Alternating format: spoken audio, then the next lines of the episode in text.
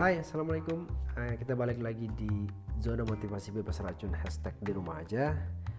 Dan sebelumnya selamat menunaikan ibadah puasa bagi saudaraku yang menjalankannya di Indonesia. Oke kali ini aku bakal bawain artikel dari Elephant Journal Dengan judul Melemahkan Sisi Buas dari Dirimu Sendiri. Podcast ini bakal jadi episode pertama dengan tema series Look Inside karena ke depannya aku dan kakak PC bakal ceritain artikel sesuai dengan series yang bakal berubah setiap bulannya. Oke, langsung aja kita mulai. Dalam beberapa tahun terakhir, neuroscience telah menjelaskan otak manusia kita yang rumit. Penemuan utama adalah manusia secara alami lebih negatif dan pesimis daripada positif untuk bertahan hidup. Dengan kata lain, hal-hal yang benar-benar tidak membuat kita bahagia dan ketakutan menjadi bagian terutama yang memotivasi dan mengendalikan kita.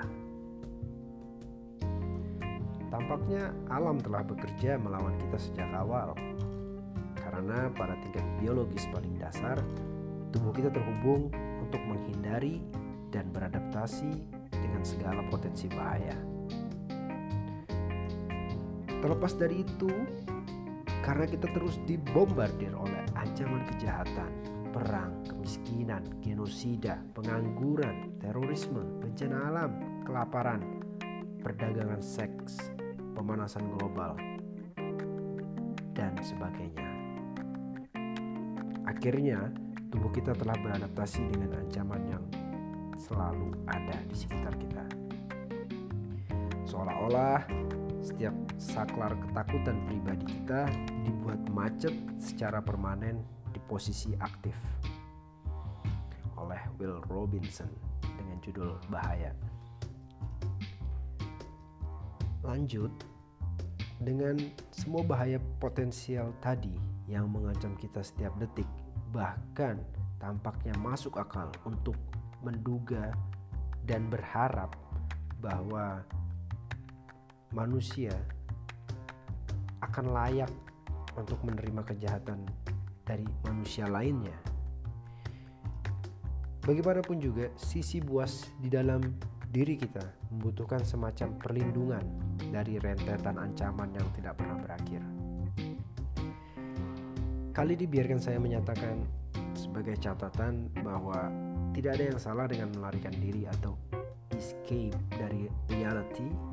Um, sekali lagi, tampaknya banyak ahli yang sepakat bahwa memiliki kekurangan yang sehat ketika kita stres pada kenyataannya dapat menjadi hal yang baik selama kekurangan itu tidak menjadi alat atau alasan excuse kita.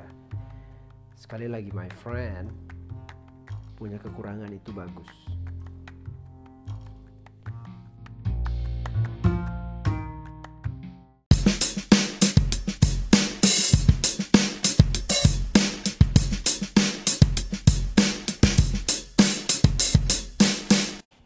Nah teman-teman sebelum kita lanjut ada satu informasi penting untuk kita semua, mari kita bersatu melawan COVID-19. Kita berbagi untuk selamatkan nyawa sesama melalui donasimu lewat kitabisa.com. Seberapapun donasi yang bisa kita berikan akan sangat membantu untuk menyelamatkan nyawa sesama.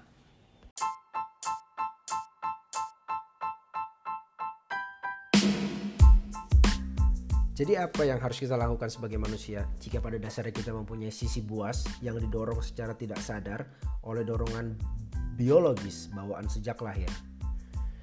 Dan bagaimana kita bisa dibebaskan dari kecenderungan alami kita untuk terhindar dari rasa sakit ketika ada bahaya di sekitar kita. Oke, pertimbangkan kita harus menerima sampai ke inti kecil sisi buas kita itu. Berkah secara alami dari diri kita kita akan selalu termotivasi oleh naluri bawaan-bawaan kita. kita temukan um, hal-hal buas tadi kemudian kita meyakinkan untuk berhenti membiarkan diri kita menjadi budak bagi biologi ini dan melakukan yang terbaik untuk memelihara sifat kita dan merangkul sisi buas uh, batin kita. Tujuannya bukan untuk mengabaikan insting mamalia terpro terprogram kita, tetapi untuk mundur dengan pemahaman dan secara sadar bertanggung jawab atas tindakan kita. Sehingga kita bisa menjadi lebih dari sekedar biologi. Dan di sini aku akan munculkan enam yang menurutku sangat membantu untuk merangkul atau berdamai dari sisi buas dalam diri kita sendiri. Yang pertama, batasi tontonan atau pendengaran terhadap rangsangan negatif. Maksudnya, kita harus mengontrol jumlah waktu kita menonton berita atau kekerasan. Lebih penting lagi, kita harus mengendalikan ketika kita menontonnya. Berhenti menonton atau membaca tentang pembunuhan dan kekacauan tepat sebelum tidur itu adalah hal yang bijaksana. Matikan televisi atau telepon atau um, chatting 30 menit sebelum tidur um, dan membaca teks adalah juga hal yang positif. Ciptakan rutinitas positif tadi dan tenang uh, di setiap malam sebelum tidur agar pikiran kita bisa rileks. Satu hal yang pasti, berita semua akan ada tetap di sana, di tempatnya, dan tetap menunggumu di pagi hari. Percaya sama aku. Yang kedua, meditasi.